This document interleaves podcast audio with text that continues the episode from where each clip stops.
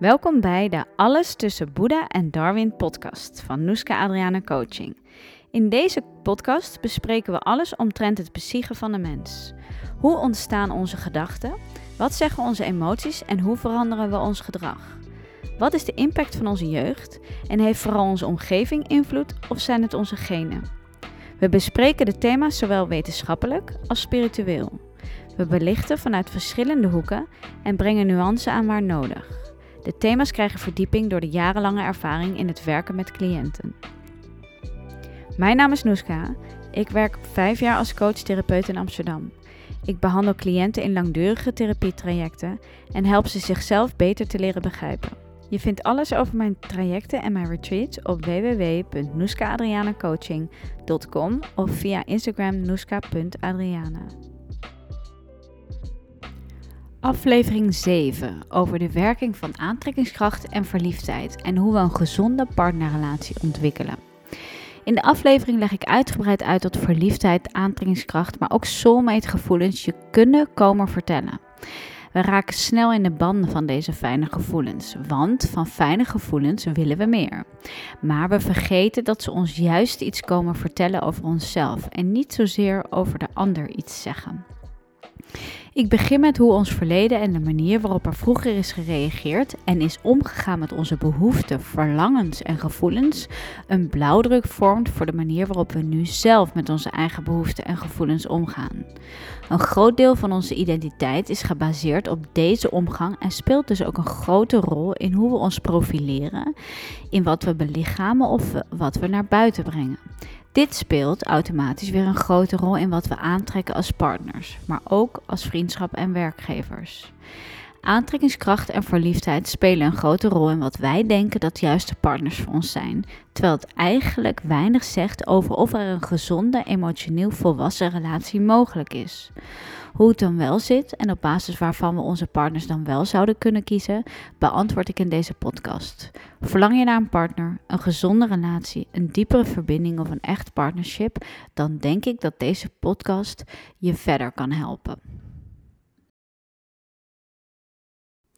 Hey en welkom bij de podcast over verliefdheid, soulmates, verlatingsangst, moederwond, liefdesverdriet en hoe dit allemaal met elkaar te maken heeft. In deze podcast benader ik dit, deze thema's vanuit een psychotherapeutisch gezichtspunt. Dat wil zeggen dat er vanuit gegaan wordt dat het nu voelen, denken en handelen het resultaat vormt van vroegere relaties en ervaringen. Met als eerste en belangrijkste de relaties met je ouders en verzorgers. De omgang met jezelf en met anderen vormt een weerspiegeling van de wijze waarop belangrijke anderen vroeger met jou als kind en met jouw behoeften omgingen. Ook relaties uit een recenter verleden vormen de huidige omgang of hebben jouw overtuigingen die je hebt over de ander en relaties bevestigd. Ik wil je echt leren over jezelf. Dan is het belangrijk dus bewust te worden van hoe je jezelf en de ander positioneert in de relaties en hoe je vanuit dit denken handelt. Voor een realistische afspiegeling is het bijna altijd nodig een coach, psycholoog of therapeut in te schakelen, omdat we ons nooit totaal bewust kunnen worden van onszelf zonder de ander. Leuk dat je luistert en ik hoop dat het je wat inzichten geeft en verder brengt. Verliefdheid, aantrekkingskracht, soulmate, gevoelens, ze kunnen ons dag en nacht bezighouden. Waarom is de liefde zo'n beladen thema en tegelijkertijd alles waar we naar verlangen? Misschien is het wel fijn hier eens bij het begin te beginnen. Want de belangrijkste behoefte die we als mens nodig hebben om op te groeien als emotioneel evenwichtig mens, is natuurlijk de behoefte om geliefd te zijn. Al onze problematieken in de liefde komen zo goed als altijd voort uit het feit dat we ons niet helemaal geliefd hebben gevoeld. Of dat we hebben ervaren dat de liefde voorwaardelijk was, waardoor we ons hele leven afhankelijk kunnen blijven van onze behoeften om in zijn geheel geliefd te worden. Deze behoeften kunnen voelen als een soort graving. Ik denk dat veel mensen dat wel kunnen herkennen. Wat gepaard gaat met veel angst. En dat maakt natuurlijk um, het thema liefde soms ook zo pijnlijk. En moeilijk en zwaar en lastig. De angst om ons net zo te voelen als vroeger. Ongeliefd, afgewezen, niet waardig. De machteloosheid die hiermee vaak gepaard gaat, gaat over machteloosheid die in het nu eigenlijk geen directe waarde kent. Namelijk, we hebben het niet meer nodig geliefd te worden als volwassenen. In ieder geval niet om te overleven. Als kind was het een noodzaak. Geliefd worden betekent namelijk veilig zijn. En veiligheid is nodig in een fase waarin je totaal overgeleverd bent aan je ouders en in alle opzichten afhankelijkheid ervaart. De machteloosheid en wanhoop die we in het nu dus wel kunnen voelen, zegt ons niet dat we ook daadwerkelijk in een wanhopige situatie zijn beland. We kunnen het natuurlijk wel zo ervaren en we moeten die ervaring wel serieus nemen. Het is in een volwassen leven bijna niet mogelijk je te realiseren hoe afhankelijk je bent geweest en wat volledige afhankelijkheid eigenlijk betekent. Sommige mensen komen opnieuw terug in die positie door bijvoorbeeld fysieke of geestelijke belemmeringen op latere leeftijd. Maar nog is er een volwassen bewustzijn wat zich kan realiseren dat mensen in je omgeving er voor je zullen zijn. Je kan redeneren, begrijpen, rationaliseren. Allemaal vaardigheden die we als kind nog niet hebben ontwikkeld of nog te weinig. Het voelt dan, om, dan ook, om tot, hoe voelt het dan ook dus, hè, om totaal overgeven te zijn voor al je noodzakelijke behoeften aan andere mensen, aan, aan je omgeving. Daar kunnen we als volwassen mensen vaak helemaal geen contact mee maken. En dit is de voornaamste reden dat we onze eigen trauma's en, pijn, en pijnen volledig onderschatten. Zo erg kan het toch niet geweest zijn? Nou ja, zo erg vanuit een volwassen bewustzijn is het inzicht wellicht ook minder. Ehm, omdat we daarbij ons volwassen vaardigheden gebruiken en het met, vanuit een volwassen analytisch denkvermogen proberen te bekijken. In meerdere boeken, geschreven door psychotherapeuten, voornamelijk psychotherapeuten, wordt er een vergelijking daarom, om die reden, gemaakt met krijgsgevangenen. De afhankelijkheid die dan wordt ervaren en de onzekerheid die gevangenen voelen of diegene die zich gevangen houdt wel het beste met hem voort heeft, is vergelijkbaar met een kind in een gezinssituatie waarin liefde een onzekere factor was.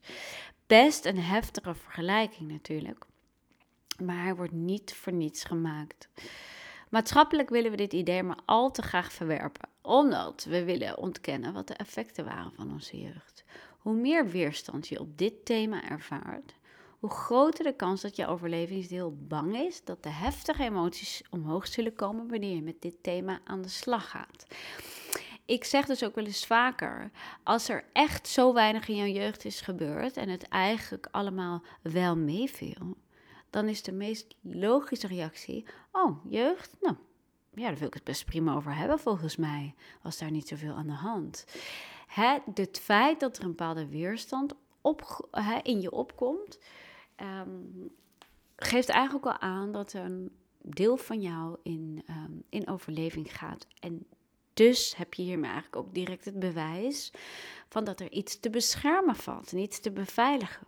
Nou, dat gaat vaak over de heftige pijn en emoties die je toen de tijd gevoeld hebt. En waarvan je besloten hebt dat ze hè, heel prettig weggestopt daar moeten blijven. Oké, waarom vertel ik dit als het thema hè, verliefdheid, soulmate, aantrekkingskracht is? Nou, natuurlijk omdat dit, hè, zoals ik uh, bovenal noemde, de moederwond, um, verlatingsangst, eigenlijk met dit alles te maken heeft. Volwassenen die tijdens hun therapie toegang krijgen tot verdrongen jeugdherinneringen, kunnen emoties gaan voelen die met de ervaring zelf zijn weggestopt.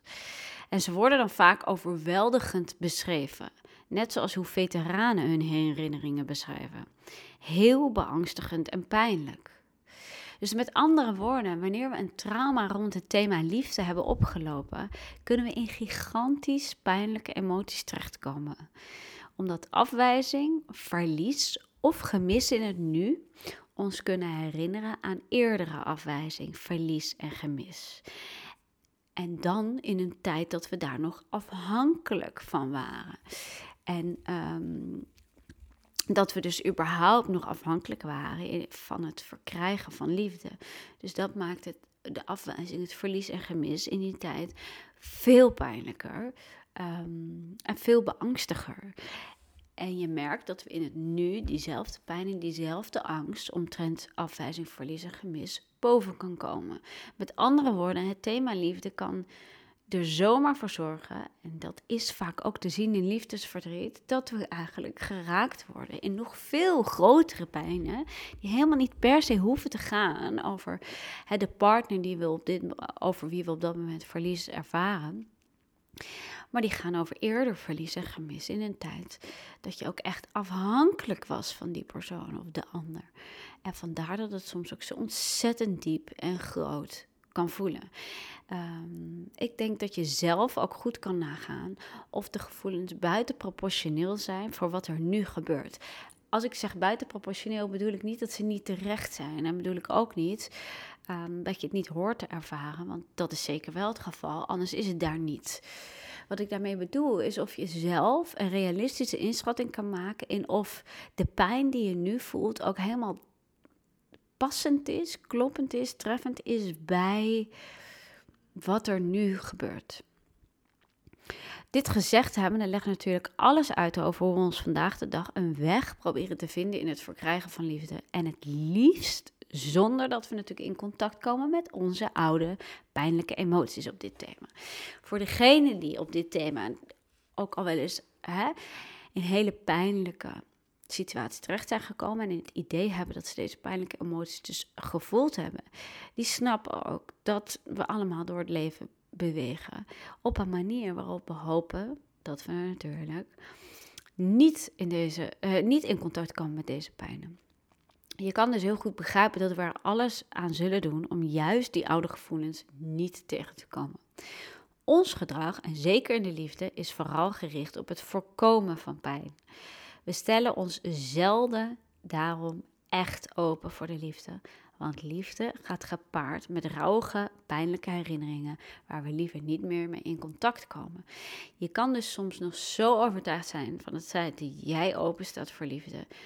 Nou, als je niet tegelijkertijd zegt: Ik sta ook open voor alle pijnlijke, rauwe, moeilijke momenten die ik met liefde heb ervaren, om die ook te ontvangen uh, en daarmee in contact te komen. Want dat, hè, dat gaat samen en ligt naast elkaar. Hè? Dat is eigenlijk één en dezelfde medaille. Dus wat we proberen te doen is liefde te verkrijgen, zodat we juist nooit meer hoeven te voelen als vroeger. We zijn, ik noem dat eigenlijk dat we eh, toedekkende liefde. Dus we zijn massaal op zoek naar toedekkende liefde, zoals ik dat ja, zoals ik dat een naam heb gegeven. En liefde die ons helpt onze muurtjes juist op te houden, niet af te brokkelen. We willen een liefde waarmee we ons beschermingsmechanisme in stand houden, hè, zodat we eigenlijk niet echt zichtbaar hoeven te worden. Liefde die alles goed maakt wat vroeger is misgegaan.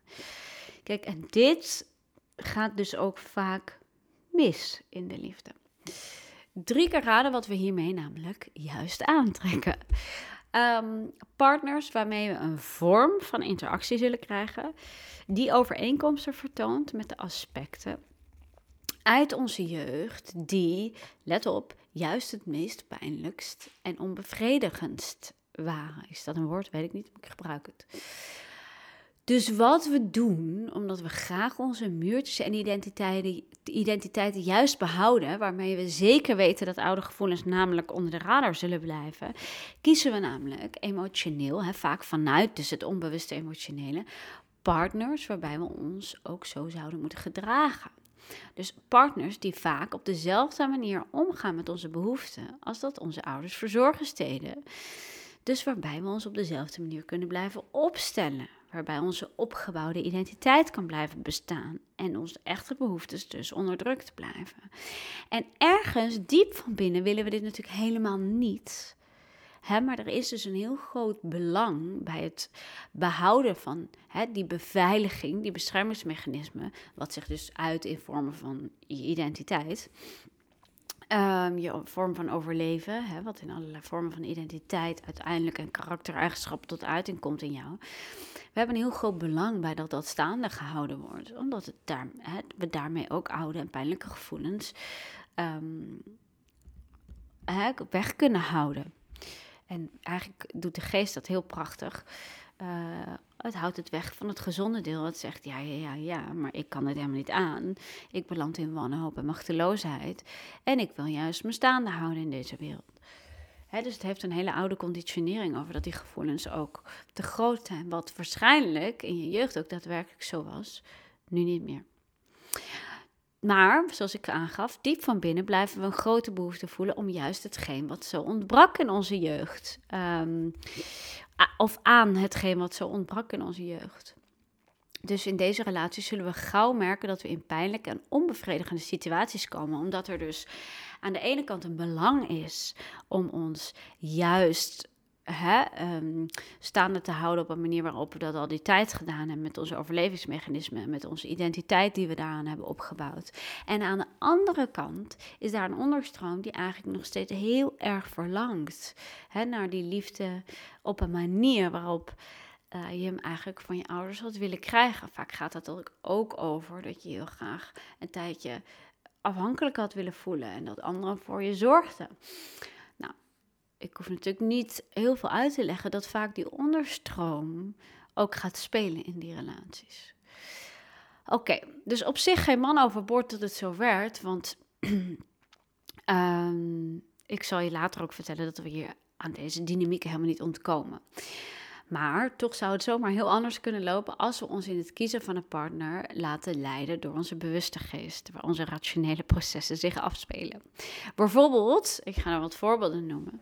Als je jeugd hebt gehad met een afstandelijke, toegankelijke, en, of ontoegankelijk natuurlijk, en kritische ouder, dan lijkt het logisch dat je als volwassene er juist voor zorgt dat iemand, je iemand kiest met eigenschappen hè, die warm en zorgzaam is en iemand die je steunt en emoties toont.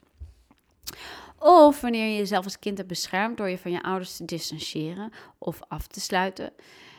Of wanneer je als kind hebt beschermd door, door je van je gevoelens te distancieren, je van je gevoelens af te sluiten, ligt het misschien wat meer voor de hand dat je een partner kiest die niet zo van je verlangt dat je open bent en gevoelens onder woorden brengt. Want daarmee komen natuurlijk ook oude pijnen weer naar boven. Um, echter, um, Dus dat, dat, dat, um, hè, dat als je wanneer je rationeel beslist, je eigenlijk um, veel meer kan kijken naar uh, dingen die je hebt gemist, die je graag zou willen hebben, maar ook kan kijken naar, hé, hey, ja, maar dingen die ik heb ik niet geleerd, dat vind ik moeilijk en ik wil niet een partner aantrekken die dat van me vraagt. Dus je kan een beetje beide kanten op kijken. Echter beslist, en zeker op relatievlak, de onbewuste geest vaak waar we voor kiezen en speelt aantrekkingskracht een grote rol. En aantrekkingskracht trek je naar iets wat jou kan helpen, wat ligt te sluimeren en wat uh, eigenlijk naar buiten gebracht wil worden om meer je authentieke zelf hè, te leven of te kunnen belichamen. Nou, hoe dat werkt, dat leg ik later in deze podcast helemaal verder uit. Um, overigens, op zich hè, belangrijk om ook te noemen, vaak op het eerste gezicht denken we ook een partner aan te trekken die eigenschappen kent waar we zo naar verlangen. Ook omdat we vaak blind zijn voor, de, voor het stukje wat juist overeenkomt, overeenkomsten vertoont met aspecten uit onze jeugd. Het is namelijk vaak zo bekend voor je dat je het slecht herkent. Dus hè, de dingen die thuis zo gewoon waren, uh, merken we minder goed op bij anderen als we daar niet zo heel bewust van zijn gemaakt door middel van therapie, hè, uh, een therapeut die jou daarop wijst. Um, omdat het zo gewoon was thuis, is het niet iets wat je vaak hè, opmerkt bij een ander. Ben je in je jeugd bijvoorbeeld vaak niet respectvol behandeld, dan is er een grote kans dat je disrespectvol gedrag minder goed herkent, omdat het zo gewoon voor je is geworden. Ik zeg best wel vaak cliënten in sessies dat ze dus zijn genegeerd, beledigd, vernederd, emotioneel verwaarloosd of niet zijn gezien en gehoord. En nog heel vaak is daar dan aan de andere kant de ongeloof over of dit nou daadwerkelijk zo is, omdat ze het gedrag dus niet als zodanig labelen. Het is heel belangrijk om dat te gaan leren, inzien. En ook in het kiezen van onze partners zullen we dus het gedrag anders heel slecht herkennen. Uh, een belangrijk aspect wat hier een, een, belangrijk aspect wat hierbij een rol speelt is valse hoop. De hoop dat een partner met deze eigenschappen, dezelfde eigenschappen als die je tegenkwam in je jeugd, nu wel liefdevol is en je respecteert en je belangrijk maakt. Dit proces gebeurt weliswaar onbewust, maar is vaak het meest leidend in liefdesrelaties. Dus dit, dit wil je succesvoller worden in liefdesrelaties en anders hè, meestal willen we dat echt, dan moet je gaan kijken naar waar jouw valse hoop opspeelt.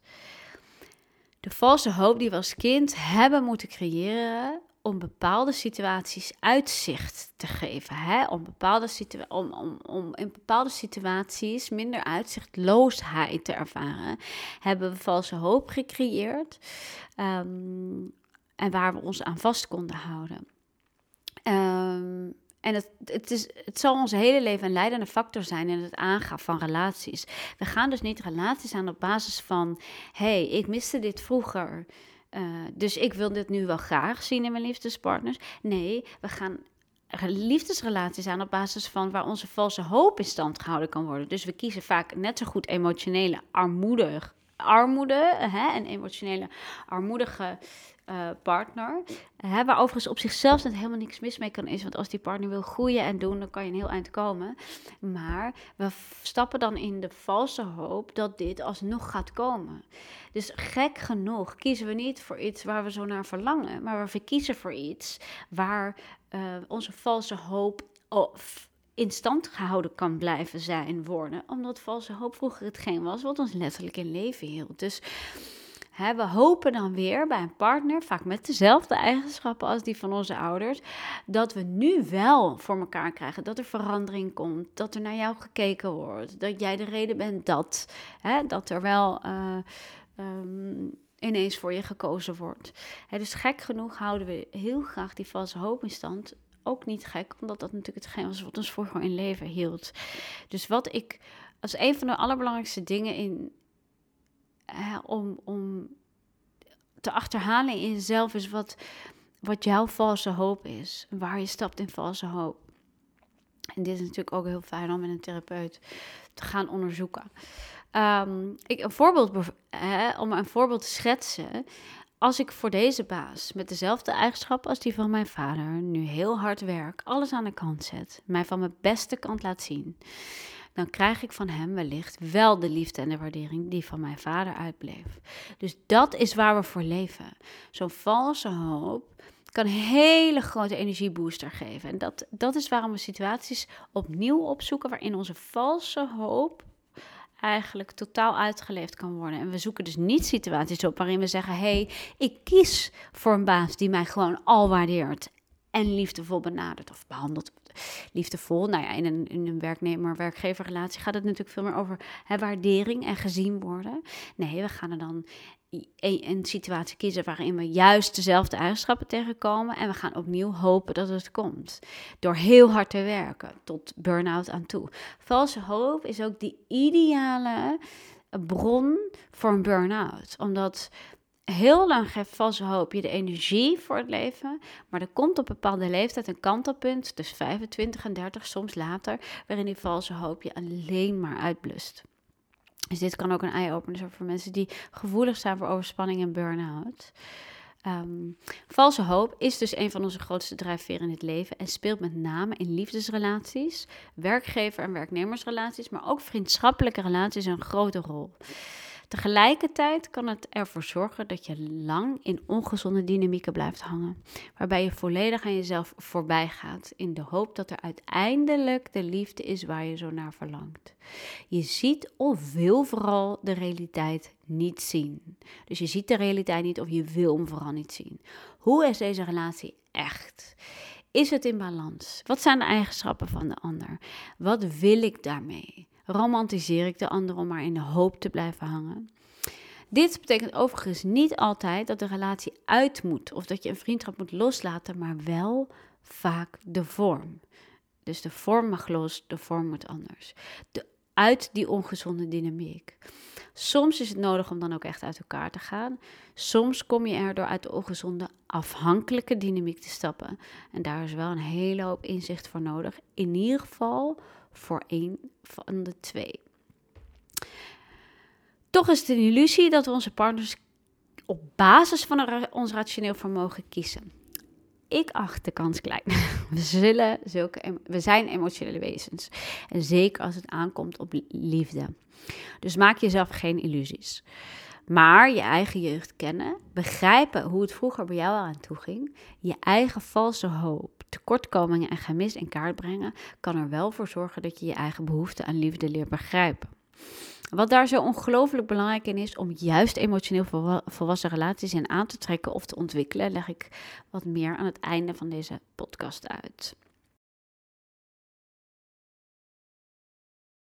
Met veel mensen, maar ook met voorwerpen of plekken. Dus dat is wel eentje om goed erbij te pakken om um, goed te realiseren wat aantrekkingskracht nou eigenlijk doet of um, waarom het in jou ervaren wordt.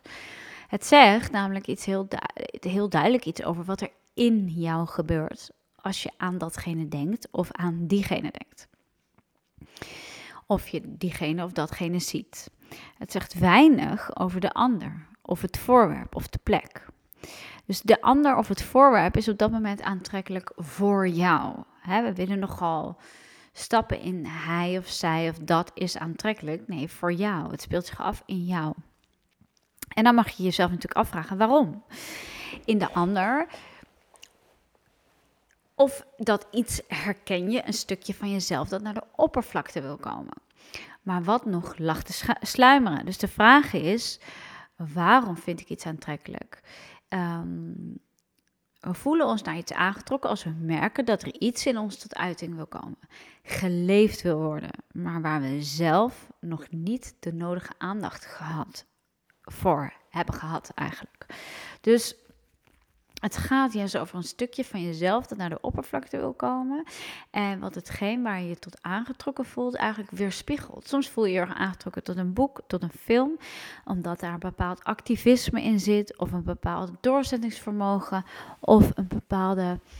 Ehm, ja, een, een bepaalde dominantie, of juist een bepaalde zachtheid, een bepaalde masculine energie, een bepaalde feminine energie die jou naar plekken trekt of naar boeken trekt of voorwerpen trekt, maar dus ook naar mensen. Ehm, juist om jou te laten spiegelen, hey, dit leeft ook in jou, maar jij leeft het nog niet zelf. Breng het naar buiten. Hè? Het lag te sluimeren, jij mag er aandacht voor hebben.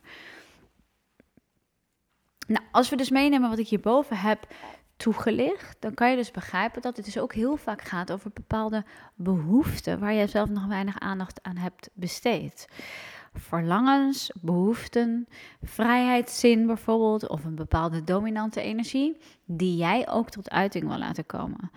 Dit hoeft overigens nog niet met seksuele aantrekkingskracht te maken te hebben. Dit gaat over je aangetrokken voelen tot mensen en dingen in de breedste zin van het woord. Dus dit kan ook net zo goed met een partner waar je normaliter niet op zou vallen. Bijvoorbeeld van hetzelfde geslacht of juist een partner van het andere geslacht waar je normaliter hè, wat niet um, een keuze is voor een seksuele partner. Dus ik denk dat veel vrouwen dit ook best wel kunnen voelen naar hen die normaliter op mannen vallen, die, dat ze dit kunnen voelen naar andere vrouwen. Nou, ik vind hier een voorbeeld altijd van dat je je bijvoorbeeld aangetrokken voelt tot iemand die zich uitbundig en kleurrijk kleedt. Hè, wat iets kan zeggen over dat jij ook de behoefte voelt je middels kleding te expressen, veel meer jezelf te laten zien, uh, meer te durven. Um, maar iets wat je dus nu nog heel erg laat liggen, wat je laat sluimeren in jezelf. Nou, wat we vaak doen en wat ik een hele belangrijke vind om over aantrekkingskracht te weten, is dat we vanuit deze aantrekking een obsessie ontwikkelen voor de ander, voor het voorwerp of een plek. Terwijl het juist de bedoeling is dat we de aantrekking terugbrengen naar onszelf en ontdekken wat in onszelf lag te sluimeren en daarover in actie mogen komen. Dat mogen gaan belichamen en uitdragen. Dus ben juist heel zorgvuldig in, uh, heel zorgvuldig in of je deze aantrekkingskracht ook wil voortleven of uitleven met hetgeen of met de ander. Um, of dat je heel bewust jezelf de vraag stelt: waarom uh, voel ik me aangetrokken en wat, wat ligt er bij mij te sluimeren? Kijk, een mooi voorbeeld van je aangetrokken voelen tot een mooie plek op aarde kan bijvoorbeeld zijn dat je nou, veel aangetrokken voelt tot eilanden. Eilanden hebben vaak vrouwelijke feminine energie. Nou ja, het kan heel erg gaan over jouw eigen vrouwelijkheid. Ja, moet je daarvoor steeds naar een eiland reizen en het vliegtuig pakken? Nee, dat is echt niet nodig. Alleen, hè, je voelt je nu nog misschien wel heel afhankelijk van die plek om ook daadwerkelijk die vrouwelijkheid in jezelf te belichamen. Um, en de kunst is juist om veel meer jezelf de ruimte te geven, um, die vrouwelijkheid te gaan belichamen in het dagelijkse leven, in het hier nu, in, in hè, um, ja, hetgeen om je heen. en natuurlijk helpt het om hè, je ook wel uh, naar voorwerpen te laten trekken, of naar plekken te laten trekken, of naar andere personen te laten trekken. Maar het hoeft niet te betekenen dat je ook daar iets mee moet doen. En daar vergissen we ons soms wel in van ja, ik word zo getrokken door die plek, ik moet daarheen, ik moet daar wonen, ik moet daar naartoe reizen, ik moet daar een paar keer per jaar heen. Weet je, dat, nou, dat maakt je overigens en heel afhankelijk van datgene. Uh, maar het brengt ons vaak ook heel erg in de war, omdat er soms um, iets anders is, wat eigenlijk een bepaalde basis vormt waar uh, die veel belangrijker is. En we kunnen door aantrekkingskracht ons ook heel erg in, in verwarring gebracht voelen worden, omdat we het idee hebben dat we er wat mee moeten. En ja, je mag er wat mee, maar je hebt de ander of het voorwerp of hetgeen niet nodig. Dus het gaat om jij en je eigen innerlijke ontwikkeling. En die is belangrijk. Het betekent niet dat je er niet iets mee kan of mag doen. zeker als, het, um, hè, als je vrijgezel bent en een ander ontmoet en daar een aantrekkingskracht mee hebt, is het prachtig. Ga maar kijken of dat uitgroeit tot liefde of een mooie partnerschap. En je bent, alle, en je bent allebei single en vrij. Ja, hè, dan, uh, dan, stoot je niemand voor de borst om dat uit te leven. Of, hè, kan, ja, kan dat natuurlijk een hele mooie, een heel mooi begin zijn van, van iets. Um, maar zit je allebei in een andere situatie, dan is het echt belangrijk uh, om zorgvuldig om te gaan met dit gevoel of met deze gevoelens. Nou, een stukje seksuele aantrekkingskracht. Met seksuele aantrekkingskracht is het vaak zo dat waar we ons aangetrokken voelen, tot aangetrokken voelen, juist iemand is die het tegenovergestelde belichaamt van wat we zelf belichamen. Dus het gaat wel over Um, ja, ze noemen dat ook wel dezelfde frequentie of dezelfde. Hè, het gaat wel over dezelfde eigenschap, maar jij belichaamt de ene pol en degene aan wie, naar wie je je aangetrokken voelt, belichaamt de andere pol. Hm, dat kan bijvoorbeeld gaan over de eigenschap, uh, je seksuele energie, waarbij jij de vrouwelijkheid belichaamt en de andere de mannelijkheid bijvoorbeeld. Nou, het is heel duidelijk dat we tussen mannelijke en vrouwelijke energie best wel een aantrekking, seksuele aantrekkingskracht voelen. En ook al val je volgens mij op partners van hetzelfde geslacht, dan speelt dat als, als het goed is vaak nog steeds een rol. Omdat de ene partner vaak wat meer het ene, uh, ene belichaamt en de ander wat meer andere energie belichaamt. Soms kan je ook wel ervaren dat je allebei juist een, de, uh, als het gaat om vrouwelijke en mannelijke energie. Dus als het gaat over seksuele energie, als we het over die pol hebben, zeg maar, over die frequentie, dan kan het ook zijn dat je daar een wat neutralere energie in voelt. En dat je dus weer aangetrokken voelt door iemand die ook een neutrale energie ervaart. Uh, even kijken. Nou ja, een mooi voorbeeld hiervan is het onschuldige meisje dat op een foute partner valt. Dus dat gaat dan eigenlijk over, over welke pol gaat dit? Dit gaat over Um, ja, een beetje de spannende, hè, de spannende energie in jezelf. Nou, waarbij je zelf misschien wel hè, het onschuldige meisje bent, of juist wel hè, wat meer de ruige, foute kant belichaamt. En dan voel je je dus tot de andere pol aangetrokken. En in, in die aantrekkingskracht, daar zit dus vaak een seksuele werking. Uh, maar ik gaf hierboven ook al aan, ehm, en wat ik daar uh, over toelicht, is natuurlijk dat we ons vaak seksueel aangetrokken voelen tot partners waarbij we in dynamieken belanden die overeenkomsten kent hè, met aspecten uit onze jeugd. Dus hoe zit dit nou? Want hè, ik leg het aan, dat, dat lijkt wat negatief geladen. En hè, wat ik hier over aantrekkingskracht vertel, uh, het klinkt best als een positief verhaal natuurlijk. Nou, dat hoef je dus helemaal niet op deze manier te zien. Je hoeft dat dus helemaal niet in een goed of fout uh, plekje te brengen. Hè? Zie dus seksuele aantrekkingskracht of aantrekkingskracht ook helemaal niet als iets goeds of als iets fout, maar gewoon als iets wat is, waar je, wat je kan onderzoeken, waar je meer over jezelf te weten kan komen, waardoor je jezelf gewoon beter begrijpt. Hè? Laat, maak dat het doel van het onderzoek, van het onderzoeken van jezelf. Nou, we voelen ons vaak seksueel aangetrokken tot een partner die op een andere manier omgaat met zijn of haar gevoelens, trauma's en behoeften. In deze omgang kunnen we dus aspecten zien die wij ook verlangen te belichamen. Dus dan voel je dus aangetrokken dus tot iemand die dus weer die andere kant van die pol belichaamt. En in dit geval gaat het over ehm, eh, de relatie met de eigen gevoelens en de trauma's en de behoeften. Nou, voorbeeld hiervan is, we voelen ons aangetrokken tot een partner die emotioneel veel uitbundiger reageert, zich uit en extraverter is. Wanneer jij de partner bent die emotioneel onderkoeld reageert, kan je een verlangen voelen ook meer extravert te zijn. Andersom geldt hetzelfde. De emotioneel extravert, extraverte partner, wat je wel vaker bij vrouwen ziet, voelt zich aangetrokken tot een meer onderkoelde partner, omdat zij verlangt meer emotioneel stabiel te blijven in emotionele situaties. Ondanks dat dit dus hele rake informatie voor jou kan bevatten en je dus logischerwijs iets van elkaar mag leren, heb ik net natuurlijk ook heel duidelijk uitgelegd dat de aantrekking op de diepere lagen juist ervoor kan zorgen dat de behoeften, oude emoties en pijnen naar de oppervlakte komen. Nou, ik denk dat jullie meestal al wel snappen hoe dat dan werkt. Um, want er kunnen pijnlijke, onbevredigende situaties ontstaan, juist omdat hetgeen wat lag te sluimeren naar de oppervlakte komt. Dat is natuurlijk de hele doelstelling van aantrekkingskracht. Hetgeen wat lag te sluimeren mag naar de oppervlakte komen. Maar hetgeen uh, wat ook tegelijkertijd natuurlijk wel pijnlijk en onbevredigend kan zijn met momenten. Het is natuurlijk zo, wanneer jij emotioneel vrij extravert bent en een onder, wat meer onderkoelde partner hebt, dan kan je dus je aangetrokken voelen tot zo iemand, omdat je misschien ook de wens hebt emotioneel stabieler te blijven in situaties.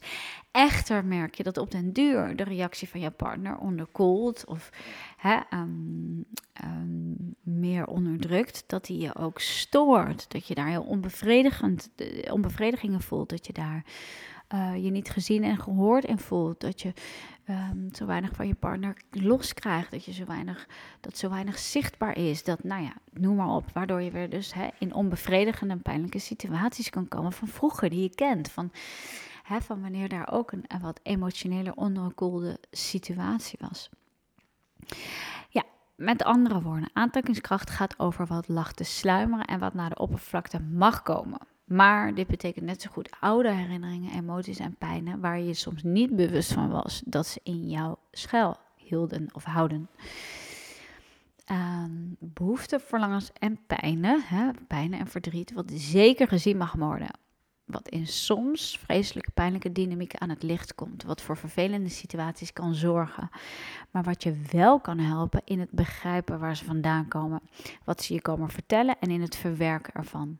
Sommigen zullen ook zeggen, het helpt je juist meer authentiek te worden, meer jezelf te zijn. Hè? Dus je wordt het leven wil je altijd meer naar jezelf toe brengen. Dus word je aangetrokken tot de mensen die je ook helpen oude shit omhoog te halen. Maar het kan juist ook Um, nou, wat ik vaak zeg, dat het volledig onderschat wordt hoe dat proces verloopt. En dat je hier zonder therapeut of psychotherapeut of coach behoorlijk in gevoelens kan verdwalen. En dat stuk nemen we vaak niet mee. Maar vind ik dus heel belangrijk om wel toe te lichten.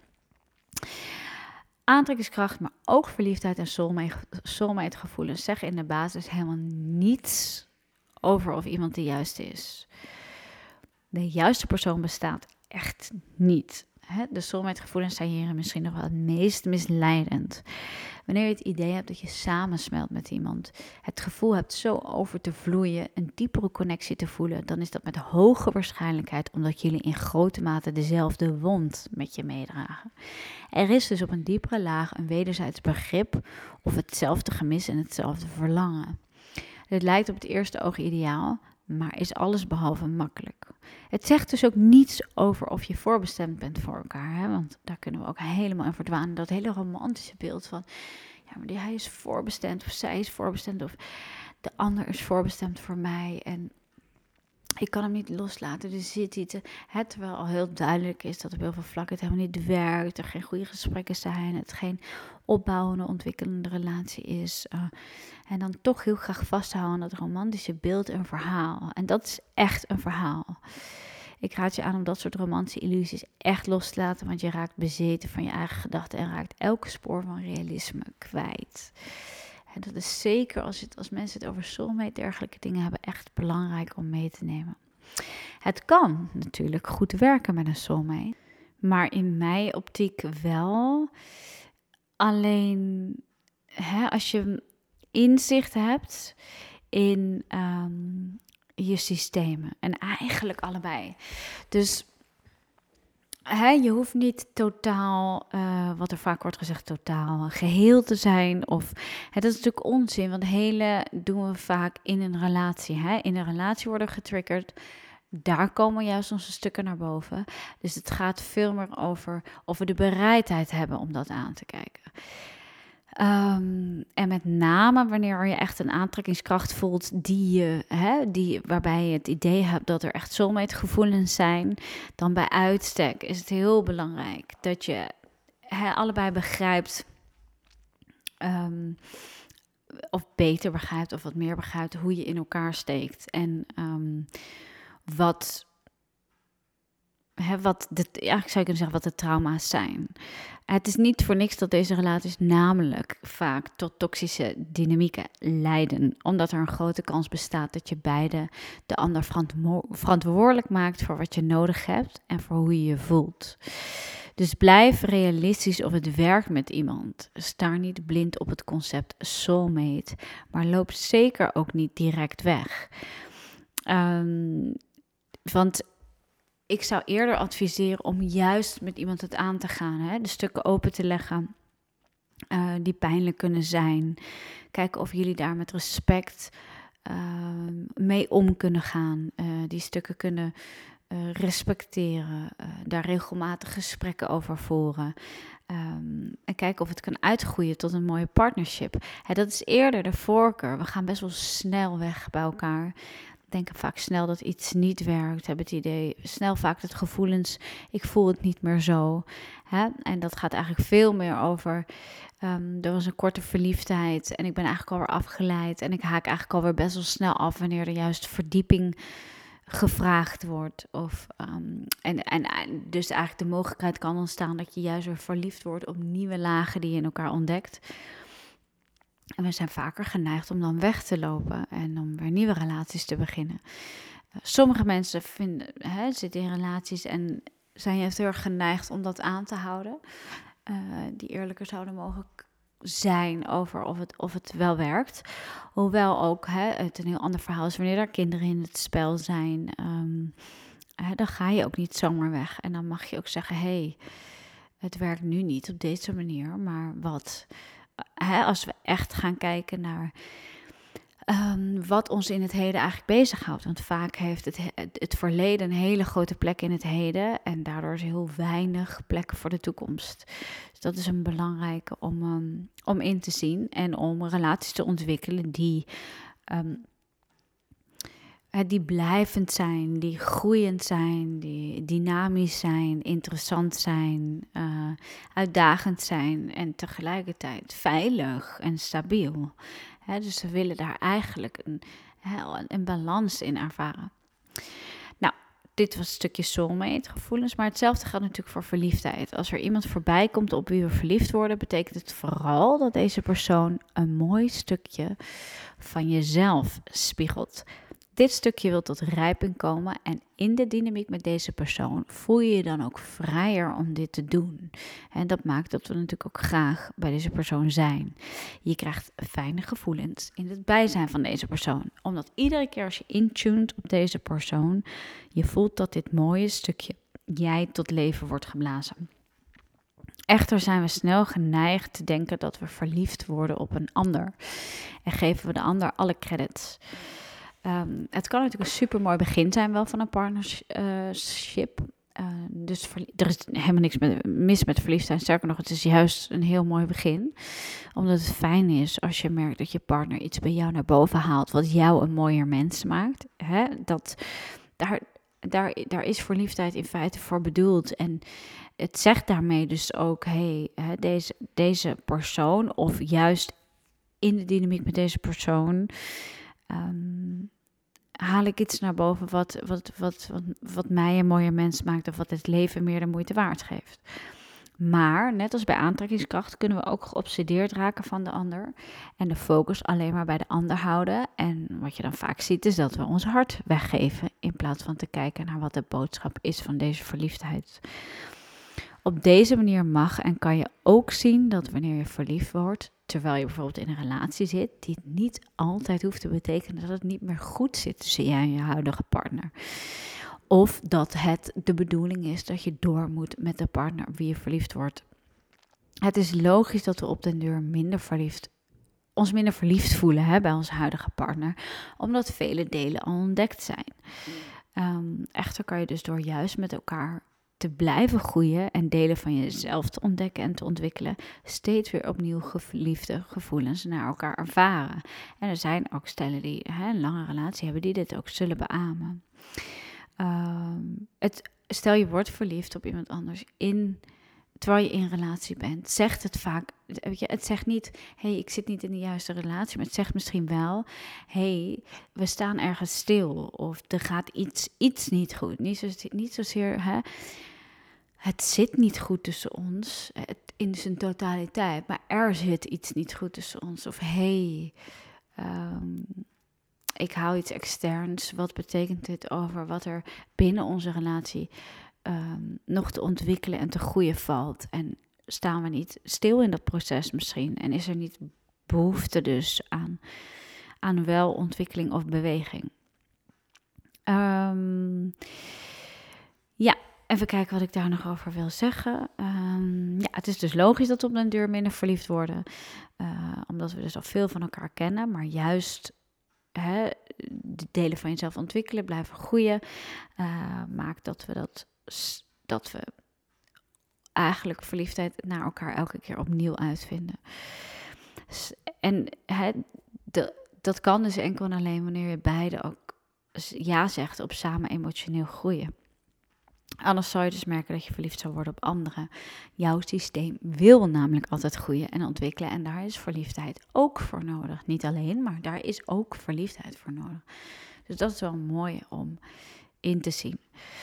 Um, nou, dat gaf ik al aan. Verliefd worden op een ander is dus, het, terwijl je in een relatie zit, zegt dus niet zozeer dat de relatie niet meer klopt, maar wel dat je samen te weinig aan het ontwikkelen, verdiepen, groeien, et cetera bent. Um, dus maak, maak hier een zorgvuldige keuze of laat je helpen en begeleiden op dit moment. Zeker als het. Um, nou zeker hè, in, het, in het geval dat je een lange relatie, jonge kinderen uh, hebt, dan is dat natuurlijk wel iets om heel goed over na te denken en te onderzoeken.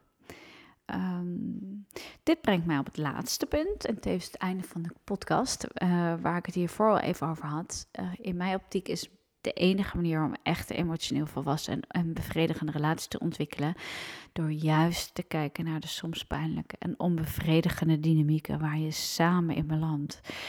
En doe dit liever niet op het moment dat je erin belandt, hè, want dan zijn er te veel hoge emoties. Dan zit je vaak te veel in emoties, dan ben je te veel jezelf aan het beschermen. Um, is de, de emotionele behoefte te hoog, waardoor het heel lastig is om hier echt goed over te kunnen praten. Dus je moet leren terug te komen op die momenten. Ja, jezelf en de ander zijn trauma's, pijn en onbevredigingen bevredigingen leren kennen. Vooral ook zodat er mildheid en compassie kan ontstaan naar jezelf en de ander voor jullie beide, jullie processen. Uh, nou, wat ik al zei, op regelmatige basis hierover praten. Ruzies op een later moment. Dus bespreken om elkaar te begrijpen. Hè, dat vergt best wel veel wat ik nu noem. Maar een relatie is werken. Uh, en op den duur ga je ook merken dat je dit prettig vindt. Kijk, ik noem, het is leuk en kan je zelfs erover zeggen, maar dat vind ik misschien niet altijd het um, juiste woord. Maar je gaat wel merken dat er een behoefte komt om dit te doen. Dat het prettig is. Um, dat het oplucht. Um, nou ja. Uh, wat je dus ook veel ziet, dat we natuurlijk veel reageren. En dat is gewoon iets wat je mag meenemen. We reageren voornamelijk vanuit afweer. En we zijn ontzettend slecht in toegeven waar we geraakt worden en wat ons pijn doet. Maar als je goede relaties wil opbouwen, wat hè, wetenschappelijk bewezen de grootste bijdrage is aan ons levensgeluk en aan zingeving, dan is dit echt in, in mijn optiek de enige weg. Leer jezelf kennen. Keer naar binnen, stel jezelf vragen: waarom doe ik dit? Waarom heb ik dat nodig? Wat mis ik zo? Waar herken ik dit van? Wat zie ik terug bij mijn ouders, verzorgers? Leer over jezelf. Niet om te kijk en de valken is om te kijken van dit doe ik dus allemaal fout en dit moet allemaal nog aan mij geheeld en verbeterd worden. Zeker niet. Hè. Dat, dit is iets wat ik in mijn trajecten heel vaak benoem, heel vaak op terugkom. Um, om uit die, hè, die, die mindset te stappen van ik zit hier om mezelf te verbeteren. Ik, ik kom bij een coach en ik ga me heel maken en klaarmaken voor een relatie. En dan lukt het wel. Nou ja, dat, hè, dat is een illusie. Um, want relaties zijn niet makkelijk. Hè, relaties gaan over deze moeilijke momenten ervaren en doorheen komen. En uh, bij mij in het traject leer je vooral ermee omgaan. Er doorheen komen samen, groeien, het idee dat je opbouwt. Dus het gaat er niet om dat je dit opent om te kijken wat je allemaal fout doet, um, maar dat je hierover leert communiceren. Dat je hier taal en woorden voor gaat vinden, voor die gevoelens, voor je mechanismes. Dus we geven hier in de trajecten die ik hè, met cliënten doorga, uh, komen we elke keer weer terug op bepaalde mechanismes, geven we elke keer weer andere woorden en taal aan. Hè, zo word je er steeds bekender mee, kan je jezelf steeds beter uitleggen, uh, word je steeds bewuster van jezelf, kan je steeds jezelf, voel je steeds vaker dat je een keuze hebt om jezelf een beetje tot halt te roepen of hè, om je excuses ervoor aan te bieden of om te zeggen van oké, ik merk nu dat ik even terug moet schakelen, ik heb iets anders nodig. Uh, nou en op die manier kan je dus wel huidige behoeften als volwassene, hè, je behoeften als volwassene, invullen, hè, bevredigen tot waar mogelijk. Maar, en dat, um, dat, nou ja, goed, dat verbetert de relaties. Je relaties in alle relaties, maar hè, daar hebben we het hier misschien wel voornamelijk over liefdesrelaties. Dat verbetert je liefdesrelaties aanzienlijk. En dit draagt natuurlijk gewoon bij aan levensgeluk, want relaties zijn ons geluk. Um, dan heb ik het in deze podcast overigens nog helemaal niet over de relaties met je kinderen.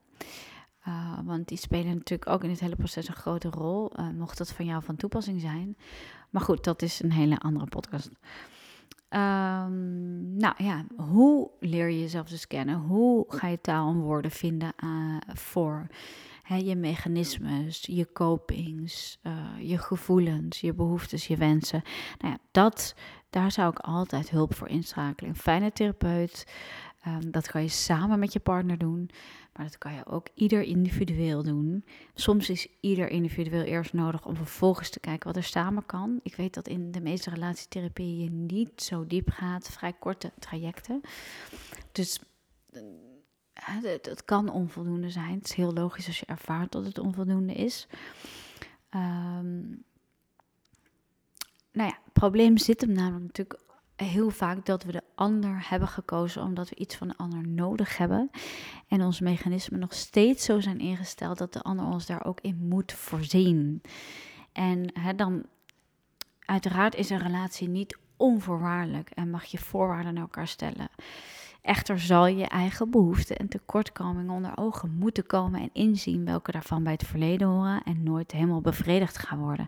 En dat is een hele belangrijke. We maken snel in relatie de ander verantwoordelijk voor wat we nodig hebben, voor, wat we, um, voor welke behoeften we hebben. En deels daar, hè, een deel daarvan past ook heel netjes in het nu. En er zijn ook logische behoeften en mogen ook voorwaarden zijn die je aan een relatie of een ander stelt. Um, maar om te zien of het realistische voorwaarden zijn. Hè? En of je aan die voorwaarden realistisch, eh, of je daar realistisch in bent. Want je kan het nog zo graag willen. En het kan nog steeds een realistisch voorwaarde zijn. Hè, dat je bijvoorbeeld wil dat de ander geïnteresseerd is in je. Maar dat betekent niet dat het de ander ook altijd lukt. Hè? En hoe ga je om met het moment dat je het graag zou willen, maar het de ander op dit moment niet lukt? Um, en hoe, hoe verdraag je dan die onbevrediging? En hoe leg je aan je partner uit dat, dat, dat je een behoefte hebt en dat je merkt dat je partner je daar nu niet in kan voorzien. En hoe, hoe voer je dat soort gesprekken? Nou, dat, dat is heel belangrijk voor eigenlijk emotioneel volwassen en ontwikkelde relaties uiteindelijk om daar naartoe te groeien. Ehm, het is dus belangrijk te onderzoeken welke behoeften horen bij jou als volwassene en in te zien of je hierin al voor jezelf kiest en zelf voor vormen van bevrediging kan zorgen. Op deze manier word je emotioneel minder afhankelijk van je partner. Kunnen jullie beide processen in de relatie blijven bestaan?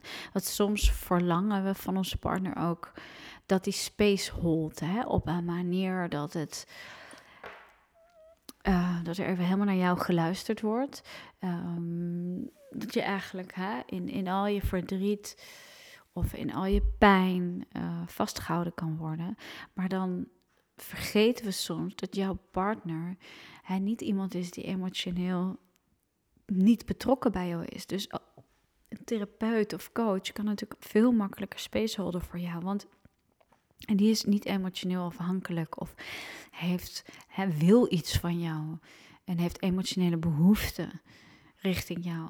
Maar jouw partner heeft dat wel. dus je kan niet verlangen dat je partner in elk moment die, die, die space holdt, terwijl het op dat moment ook eigen emotionele behoeften heeft, waarop het op jou wil rekenen. Het mooi, mooi is als je dat met elkaar kan uitspreken, over dat soort dingen kan hebben. Echter zul je soms ook voor die emotionele opvang elders moeten zijn of moeten realiseren. Als ik echt zeker wil zijn dat iemand er voor mij kan zijn, dan zorg ik dat ik een uur per week hè, bij een professional heb, bij wie ik dat ook echt mag eisen, hè, mag vragen. Ehm, en bij wie je dat dan een, lang, een lange tijd natuurlijk uh, consistent kan krijgen. En je zal merken wat dat met je doet. Hè. Dat geeft een bepaalde veiligheid in jezelf. Het het, een bepaalde bevrediging. Waarmee je ook zal merken dat als het in relaties niet zo consistent is, of als partner door misschien wel een bepaald proces gaat, waardoor het wat emotioneel afweziger is, dat je dat kan dragen. Hè? Dat je voelt van dat is oké voor nu. Oké, dit was hem voor nu. Um, en nou ja, mocht hier vragen over zijn, stel ze gerust. DM me, mail me. En die kan ik dan via Instagram bespreken. En ehm, ja, ik hoop dat het waardevol was en dat je hier iets aan gehad hebt. Tot de volgende.